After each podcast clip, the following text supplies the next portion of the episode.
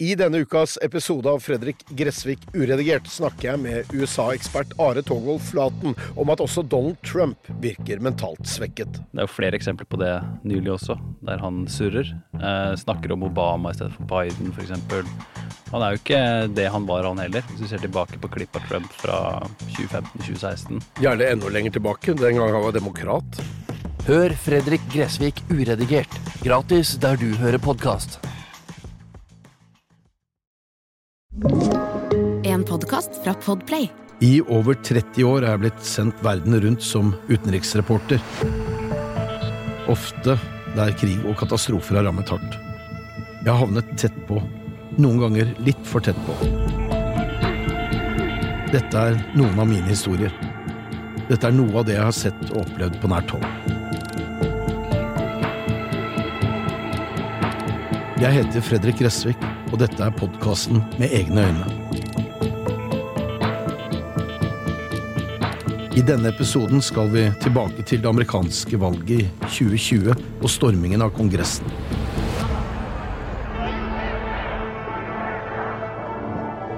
God bless the USA, ropte de. Først noen titalls, så flere hundre og til slutt flere tusen mennesker. Det var røde hatter så langt øyet kunne se, caps med maga skrevet i hvitt, Make America Great Again. Donald Trump, Donald Trump ljomet det mellom bygningene rundt Freedom Plaza, bare ett kvartal fra Det hvite hus. Det var lørdag 14. november 2020. Elleve dager tidligere hadde helten deres tapt presidentvalget. De ville ikke høre på fornuft, og mente at president Trump hadde rett når han til det kjedsommelige gjentok at valget var stjålet. På Trumps oppfordring hadde folk fra hele USA reist til Washington DC for å vise sin støtte til valgets taper. Jeg presset meg gjennom menneskemengden med kamera for å finne noen å intervjue. Jeg var en av ytterst få som bar det lovpålagte munnbindet. Det var barn og voksne, unge og gamle, og det var uniformerte grupper som fascistene fra den ekstremistiske gruppa Proud Boys, ikledd vester, slåsshansker og kniver, klare til å slåss. Åpenbart ute etter bråk, som vanlig. De jeg intervjuet, beklaget seg over hvordan demokratene hadde ødelagt valget for dem, og hevdet at Biden sto i ledtog med valgfunksjonærer og andre som ville gjøre hva som helst for å hindre Donald Trump i å fortsette fire år til. De hadde kjøpt presidentens gjentatte løgner. Da Donald Trump kom kjørende ut porten fra Det hvite hus og sirklet rundt demonstrantene, var jubelen komplett. Selveste. Med tommelen opp viste han at han heiet på dem. At det var slik han ville ha det. Hans tilhengere fant seg ikke i demokratenes forsøk på å vrake demokratiet.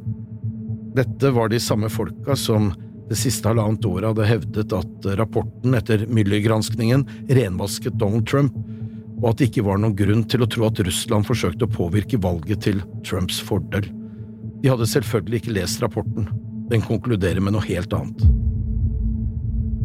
Etter Trumps raske visitt kom motdemonstrantene, et par 300 i tallet. Det ble knuffet og slått, skjellsordene haglet fra begge sider. Politiet gikk imellom. Det roet seg. Jeg kom meg hjem til korrespondentleiligheten fem kvartaler unna for å få stoffet mitt over til Norge. Så gikk jeg ned til restauranten i første etasje for å få meg middag, utendørs, i januar, på grunn av de strenge covid-reglene. Rundt klokka åtte på kvelden kom de første Trump-haterne løpende rundt hjørnet. Bak fulgte Proud Boys med kniver i hendene. En av motdemonstrantene snublet og ble snart tatt igjen og fikk en kniv i magen. Da to av vennene forsøkte å hjelpe ham vekk, ble også de stukket. Jeg løp opp etter kamera, gassmaske og hjelm. Dette kunne bli stygt. Et kvartal lenger nord hadde nå en rekke demonstranter samlet seg, med store BLM-skilt, Black Lives Matter, og plakater der det sto at Trump var en loser, taper, sto de skulder ved skulder, på tvers av den brede hovedgaten New York Avenue. Sentrumsgatene var stengt for trafikk. Noen titalls politifolk kom syklende. Fra F Street et par kvartaler lenger sør hørtes ropene til Trump-supporterne. De var på vei. Tre busser kom kjørende og stanset opp. Ut veltet politifolk i fullt opprørsutstyr. Med hjelmer, batonger og skjold. Forberedt på å gå mellom de rasende grupperingene. Det store politioppbudet til tross, de kunne ikke stanse det som nå skjedde. Demonstranter røk i tottene på hverandre og banket hverandre helseløse. Gjennom skyer av tåregass løp de i alle retninger og rett på hverandre. Bråket fortsatte utover kvelden og gjennom natten, før det ebbet ut tidlig på morgenkvisten søndag 15. november. Dette var bare en forsmak på hva vi hadde i vente. Vinteren skulle bli stygg. De første signalene om at Trump ikke ville gi seg, uansett resultat, så vi allerede sommeren 2020. Etter å ha ligget forholdsvis godt an på meningsmålingene med en stadig sterkere økonomi og nye børsrekorder i ryggen, så det ut til at Donald Trump hadde brukbare sjanser til å sikre gjenvalg. Men så bråstanset alt da pandemien traff det amerikanske samfunnet med full styrke. Økonomien gikk i knestående, barer ble stengt, restauranter, kinoer, butikker, hoteller, skoler, kontorbygg. Flyselskapene mistet passasjerer, sykehus ble fylt opp, og mange døde. Svært mange døde. I New York ble det gravd provisoriske massegraver, hvor likene kunne ligge inntil videre. Det kunne se ut som om Trump hadde satset alt på ett kort, den sterke økonomien. At han motarbeidet smittevernsekspertene og skjelte ut guvernører og ordførere som stengte ned samfunnet, hjalp ham heller ikke. Han beskyldte dem for å gjøre dette for å skade ham. Trump virket desperat. Med de dalende meningsmålingene økte panikken. Det kommer til å bli jukset med valget, advarte Trump. Demokratene vil forsøke å stjele det. Budskapet gikk hjem hos ganske mange. Kanskje sa han det for å få tilhengerne sine til å forstå at de måtte bruke sin stemmerett. Kanskje sa han det som en forberedelse på det som skulle komme. Trumps uro steg merkbart utover høsten. Under en debatt med motkandidat Joe Biden i Cleveland, Ohio i slutten av september nektet en koronasmittet Trump å fordømme rasistiske grupper. Så henvendte han seg direkte til de voldelige medlemmene av Proud Boys. Med andre ord fikk de beskjed om å ta et par skritt tilbake, men holde seg klare. Reaksjonene uteble ikke. Trump kan med dette ha ødelagt sine allerede synkende sjanser for å vinne. Skulle Trump klare å slå Biden, var han avhengig av at tvilerne, de som var usikre og de som i løpet av Trumps presidentperiode hadde landet på at han ikke fortjente gjenvalg, at disse kom tilbake til ham og ikke stemte på Biden. Tirsdag 3. november gikk velgerne til urnene midt i en koronabølge. Fra orkesterplass med utsikt rett ned til Det hvite hus rapporterte jeg fra en av terrassene på det amerikanske handelskammeret. Etter hvert som eh, resultatene fra valgdagsmålingene tikket inn, kunne vi bare ane dramaet som utspilte seg i kontorene som var tilknyttet presidentboligen. Med en stadig mer rasende president som skrek opp om valgjuks hver gang han så nye tall han ikke likte. I mange delstater var resultatene jevne, så jevne at eh, noen steder ble beordret omtelling av stemmene. Andre steder var reglene slik at forhåndsstemmer og poststemmer kun ble talt opp hvis det var snakk om mange nok til å endre resultatet. Det så ut til at eh, Joe Biden hadde vunnet, og etter hvert som forhåndsstemmene ble talt opp, gikk det nesten hver gang i demokratenes favør. Alt er bare noe faens juks, brølte Trump i det ovale kontor. En rekke av hans nærmeste medarbeidere har beskrevet det ukontrollerbare raseriet som rammet presidenten. Vi snakker om en mann som ved minst en anledning pælma en hamburgermiddag i veggen på den amerikanske presidentens kontor, slik at ketsjupen rant nedover tapetet. Som forretningsmann var Donald Trump kjent for å bruke uttalingstaktikk ved hjelp av sine advokater for å slite ut motstanderne til de ikke orket mer. Nå sto han opp mot et demokratisk system der folket, og ikke Trump og hans advokater, skulle avgjøre. Han prøvde seg likevel.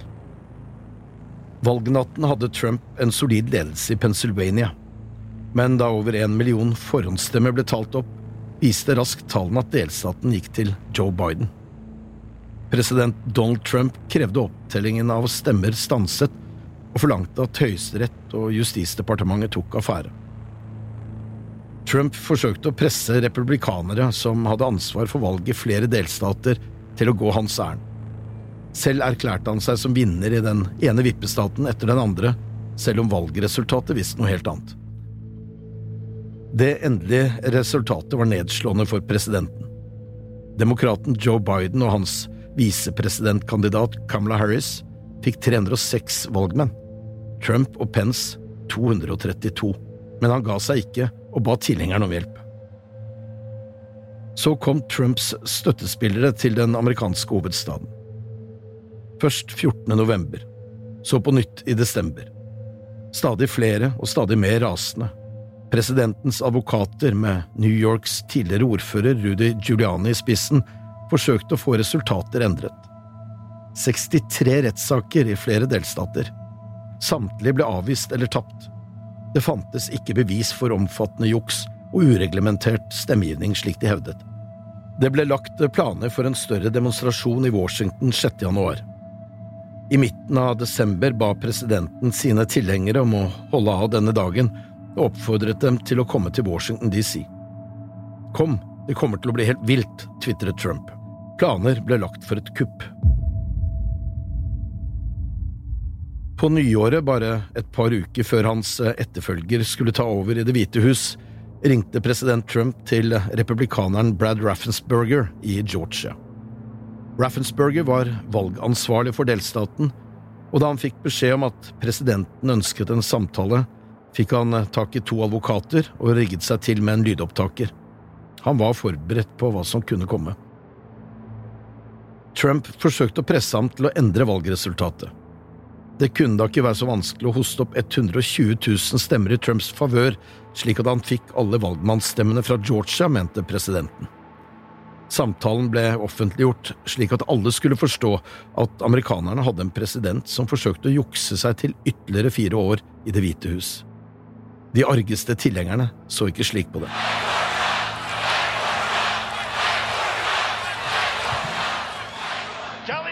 Kjemp for Trump, kjemp for Trump. De taktfaste ropene fra flere tusen mennesker ble slengt ut i den kalde januarkvelden. Jeg var i Dalton, Georgia. Presidenten hadde fløyet inn for å møte sine beundrere. Hello, Georgia. By the way, there's no way we lost Georgia. There's no way. Rigged, that was a rigged election. But we're still fighting it, and you'll see what's going to happen. We'll talk about it. And, and they're not taking this White House. We're going to fight like hell. I'll tell you right now. Vi skal kjempe som bare faen. Taper man, så taper man. Men når man vinner med et valgskred, er alt annet uakseptabelt, sa mannen som hadde tapt så det sang. Folkemassen jublet for sin leder.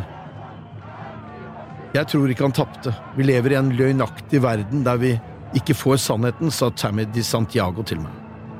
For den kristenkonservative kvinnen i 70-årene var abortsaken den avgjørende. Hun fryktet hva sosialistene Biden og Harris ville gjøre med USA.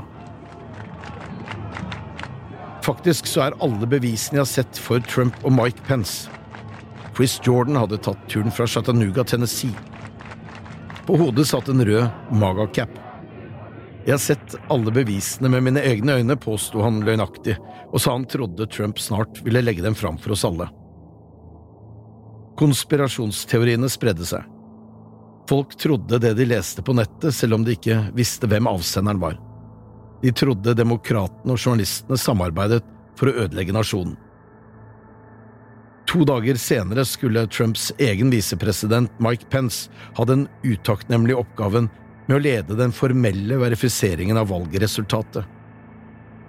Dere må komme og protestere, brølte presidenten til de mange tusen som hadde trosset vinterkulden og sto på et digert jorde for å se helten.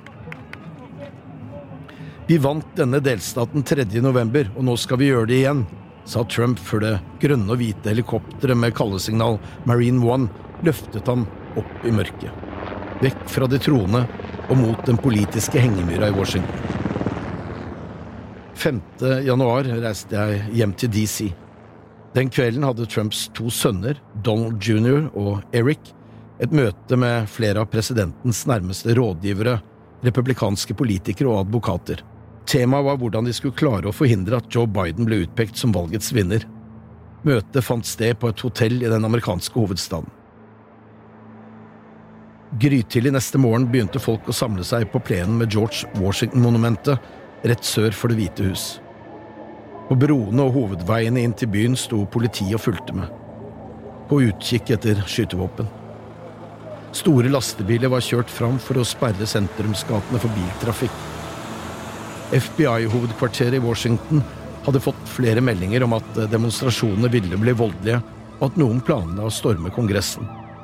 Blant de voldelige gruppene som hadde inntatt hovedstaden, var Proud Boys, Oath Keepers, Boogaloo og Latinos for Trump. De hadde alle vist både vilje og evne til å bruke vold for å oppnå det de ønsket.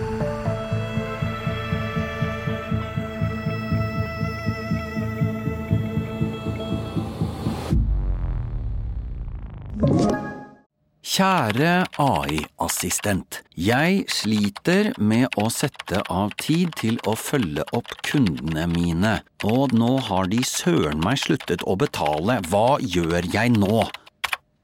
Med Amili, en ny helhetlig løsning fra Visma, kan du automatisere bort de kjipe oppgavene og tilpasse fakturering og betalingsoppfølging for hver enkelt kunde. Og det beste av alt, du får raskere betalt. Amili? La meg sjekke. Amili.no.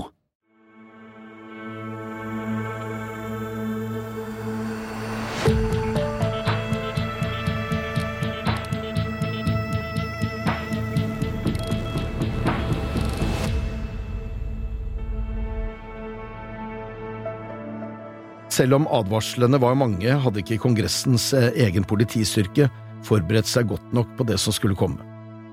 To linjer med enkle barrikader var satt opp for å stanse eventuelle demonstranter før de nådde fram til selve kongressbygget. Politistyrken var satt i beredskap, men ikke for å stanse et større opprør. Klokken ni om morgenen 6. januar 2021 gikk den republikanske kongressrepresentanten Mo Brooks på scenen i Washington DC. Enda var det et par timer til den formelle godkjennelsen av Joe Biden som valgets vinner skulle finne sted. Now, I'm Congressman Mo Brooks from Alabama's 5th Congressional District, and I've got a message that I need you to take to your heart and take back home, and along the way, stop at the Capitol. Washington, America, heed those words, because we're going to carry them right to you. USA, God bless America, and the fight begins today. I dag er dagen da amerikanske patrioter begynner å føre opp navn og gå løs på folk, ropte kongressmannen fra Alabama til den jublende massen med Trump-tilhengere. Vil dere slåss for Amerika? spurte Brooks. Det ville de. Deretter var det representant Madison Cawthorn fra Nord-Carolina sin tur. Det er opp til oss å redde republikken, sa han, og fulgte opp med løgner om hvordan valget var stjålet. Løgner som presidentens advokat Rudy Giuliani gjentok og gjentok. Stemningen begynte å bli amper. Det var ingen motdemonstranter der, så hatet ble snart rettet mot oss journalister. Det var ubehagelig. På grunn av begrenset batterikapasitet på direkteutstyret mitt, og ikke minst begrenset nettkapasitet i et folkehav der svært mange lastet opp talene på sosiale medier samtidig, måtte jeg trekke meg et par gater unna for å få levert mine direkterapporter. Etter hvert gikk jeg opp på balkongen til TV 2s korrespondentleilighet midt mellom Det hvite hus og Kongressen. Det kan ha reddet meg fra en solid omgang i juling, for ettersom den ene taleren etter den andre hisset opp massene, gikk noen av dem løs på journalister. Utstyr ble knust, og fotografer og reportere både slått og sparket. En forsmak på hva vi hadde i vente når disse folka skulle bevege seg mot Kongressen. Rett før klokka tolv gikk president Donald Trump på scenen. Det formelig kokte i Washington. I Kongressen to kilometer unna gjorde man seg klare til å bekrefte valgresultatet. Trump gjorde klinkende klart at han ikke hadde tenkt til å gi fra seg makten, til tross for at han hadde tapt valget. This egregious assault on our democracy. And after this, we're going to walk down, and I'll be there with you. We're going to walk down. We're going to walk down anyone you want, but I think right here, we're going to walk down to the Capitol. And we're going to cheer on our brave senators and congressmen and women, and we're probably not going to be cheering so much for some of them. Because you'll never take back our country with weakness. You have to show strength and you have to be strong. Gå til Kongressen, sa han. Vi kan ikke la dette skje. Hvis dere ikke kjemper som bare helvete, kommer dere ikke til å ha et land lenger. Massene begynte å bevege seg. Blant de fremmøtte var både tidligere og tjenestegjørende soldater og politifolk. Nå sto nasjonens leder og befalte at de skulle komme seg til Kongressen og stanse en demokratisk maktovertagelse. Flere oppfattet ordene fra landets øverstkommanderende commander in chief som rene ordre. De gikk mot Kongressen. Rundt Kongressen på Capitol Hill var det satt opp to rekker med lave gjerder. Politifolk, noen iført opprørsutstyr, sto klare. Men de var ikke på noen som helst måte forberedt på det sinnet og fortvilelsen Trump-tilhengerne nå følte. Rett før klokka 13, mens Trump fortsatt sto og talte ved George Washington-monumentet nedenfor Det hvite hus, ble de første barrikadene revet. En galge ble satt opp nedenfor Kongressen, med et rep hengende klart. Symbolsk ment, men det sa noe om alvoret i situasjonen. Nå rapporterte jeg fortløpende om utviklingen på TV 2 Nyhetskanalen. Det skulle jeg gjøre nærmest kontinuerlig i nesten ett døgn. Rapportene mine skulle bli noen av de mest følelsesladde gjennom en lang karriere. Det føltes som om jeg var vitne til et demokrati i fritt fall. Bevæpnet med skytevåpen, kniver, klubber, stålstenger og pepperspray gikk mobben til angrep på politifolkene fra Capitol Police. TV-kameraene sendte opptøyene direkte. Ledelsen for eh, Kongressens politistyrke forsto at de ikke kunne håndtere dette på egen hånd. Det gikk ut forespørsel om bistand til både Washingtons politistyrke og nasjonalgarden i delstatene Virginia og Maryland. Donald Trump hadde talt i én time og et kvarter da han satte seg i bilen og ble kjørt tilbake til Det hvite hus. Til tilhengerne sine hadde han sagt at han skulle dra til Kongressen sammen med dem, men eh, Secret Service gjorde det klart for ham at det var helt uaktuelt. De oppfattet mobben som farlig og ute av kontroll. Presidentens livvakter har ansvaret for hans sikkerhet og lyder ikke nødvendigvis hans ordre hvis det betyr at de vil sette ham i en farlig situasjon. I det ovale kontor var TV-skjermene på. President Trump fulgte den dramatiske utviklingen minutt for minutt. Han så hvordan hans egne tilhengere gikk løs på politifolk, hvordan de klatret opp på Kongressen og begynte å slå seg inn, og han lot det skje. Klokka 14 hamret demonstrantene løs på de låste dørene. Politifolkene gjorde det de kunne for å presse mobben tilbake, men flere av dem ble snart lagt i bakken og banket opp. Det var for mange. Over hele Washington kunne vi nå høre sirenene fra forsterkninger som var på vei, men det var for få og for seint. 13 minutter over to på ettermiddagen 6. januar 2021 stormet Trump-tilhengerne inn i Kongressen. Du husker sikkert bildene av den ensomme politimannen som går sakte bakover mens mobben kommer mot ham, av den skjorteløse sjamanen med horn på hodet en megafon over skulderen og ansiktet malt i det amerikanske flaggets farger, av mannen som rappet med seg en talerstol, og av livredde politikere.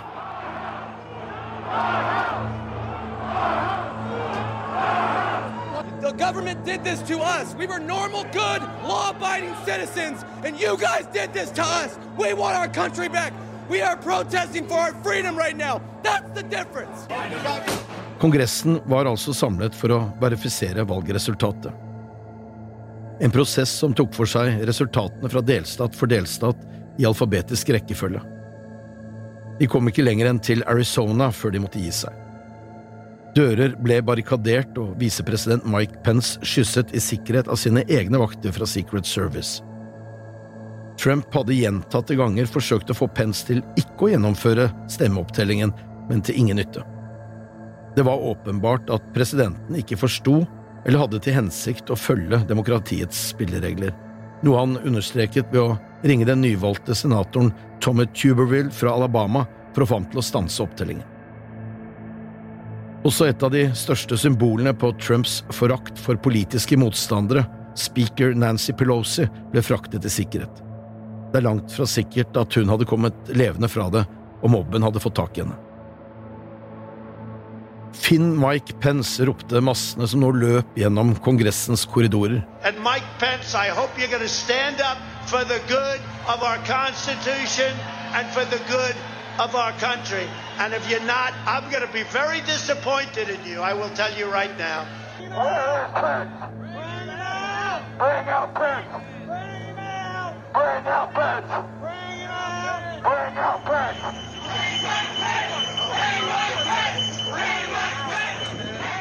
Fra utsiden kunne man høre de enda farligere taktfaste ropene fra Trumps folk. Hang Mike Pence! Heng Mike Pence! Senere har presidentens stabssjef innrømmet at også Donald Trump skal ha ytret at Pence burde henges hvis han utropte Joe Biden til valgets vinner. Galskapen var åpenbar. I Kongressen lå representanter og senatorer i dekning. Lukten av tåregass fikk noen til å iføre seg gassmasker.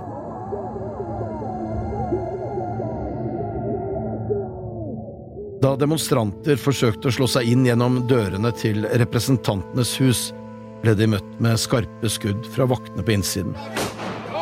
35 år gamle Ashley Babbitt ble truffet og drept. Den tidligere soldaten hadde gjort som Trump ba om. Hun hadde kommet til Washington for å hindre at Joe Biden ble president. Kongressen ble vandalisert. Malerier revet ned fra veggene. Urin rant over gulvene. Dokumenter ble stjålet. Trump-tilhengernes forakt for de folkevalgte var vanvittig. Donald Trumps eldste sønn, Donald jr., og minst to nyhetsankere fra den Trump-vennlige TV-kanalen Fox News tryglet stabssjef Mike Meadows om å få presidenten til å stanse galskapen. Men Trump ville ikke. Jeg kaller på President Trump to go on national television now to fulfill his oath and defend the Constitution and demand an end to this siege. Først 1525 skrev han på Twitter at alle måtte oppføre seg fredelig. Det var allerede altfor seint. Det tok lang tid før nasjonalgarden responderte på forespørselen om forsterkninger fra Kongressens politiledelse. De første soldatene kom ikke før 1550. I Det hvite hus hadde stadig flere forstått at det som skjedde i Kongressen, ville skade Trumps sak og ettermæle. 1622 ble en videomelding fra presidenten lastet opp på sosiale medier. Her gjentok Trump løgnen om at det egentlig var han som hadde vunnet valget, og at han forsto tilhengernes smerte og følelser, før han ba demonstrantene om å gå fredelig hjem. Trump la til at de ikke måtte la seg lure inn i demokratenes spill, og at de måtte ha respekt for politifolkene. Den 42 år gamle politimannen Brian Sicknick ble alvorlig skadet, fikk slag og døde.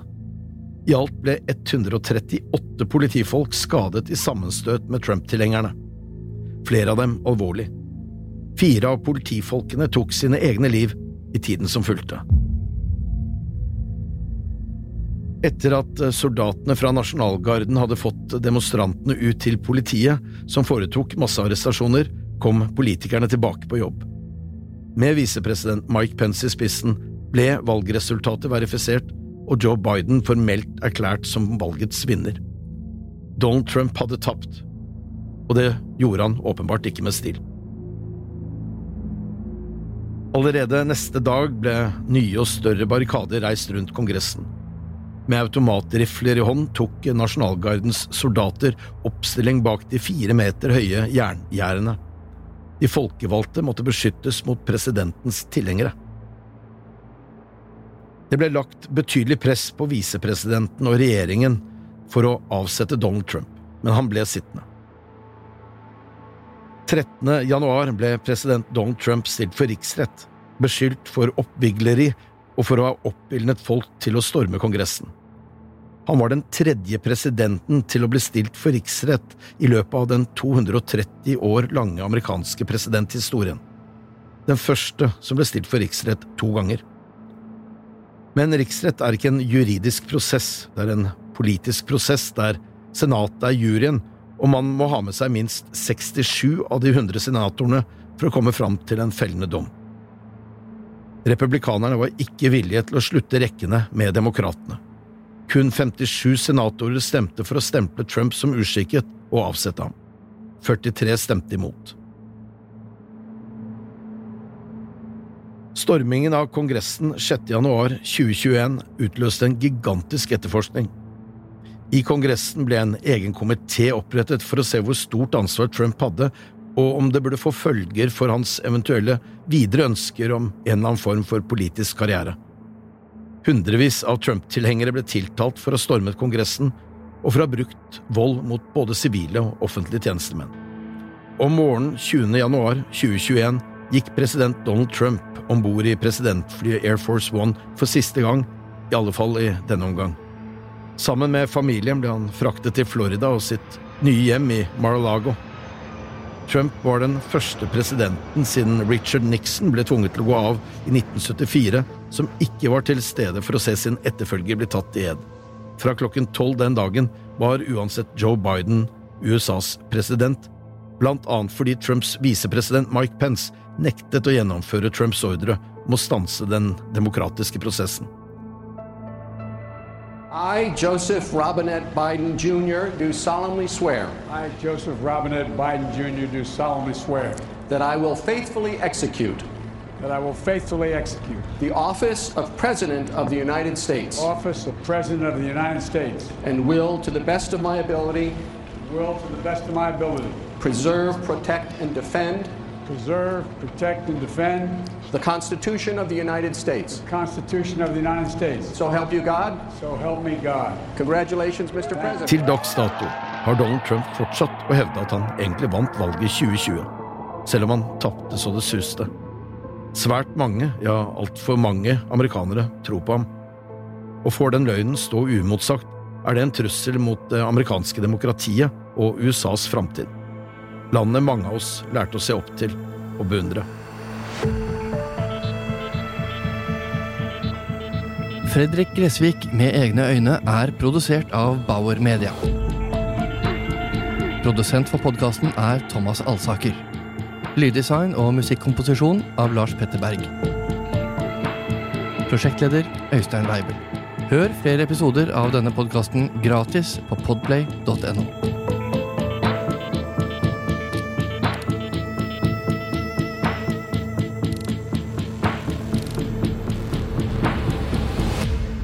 Du har hørt en podkast fra Podplay. En enklere måte å høre podkast på. Last ned appen Podplay, eller se podplay.no.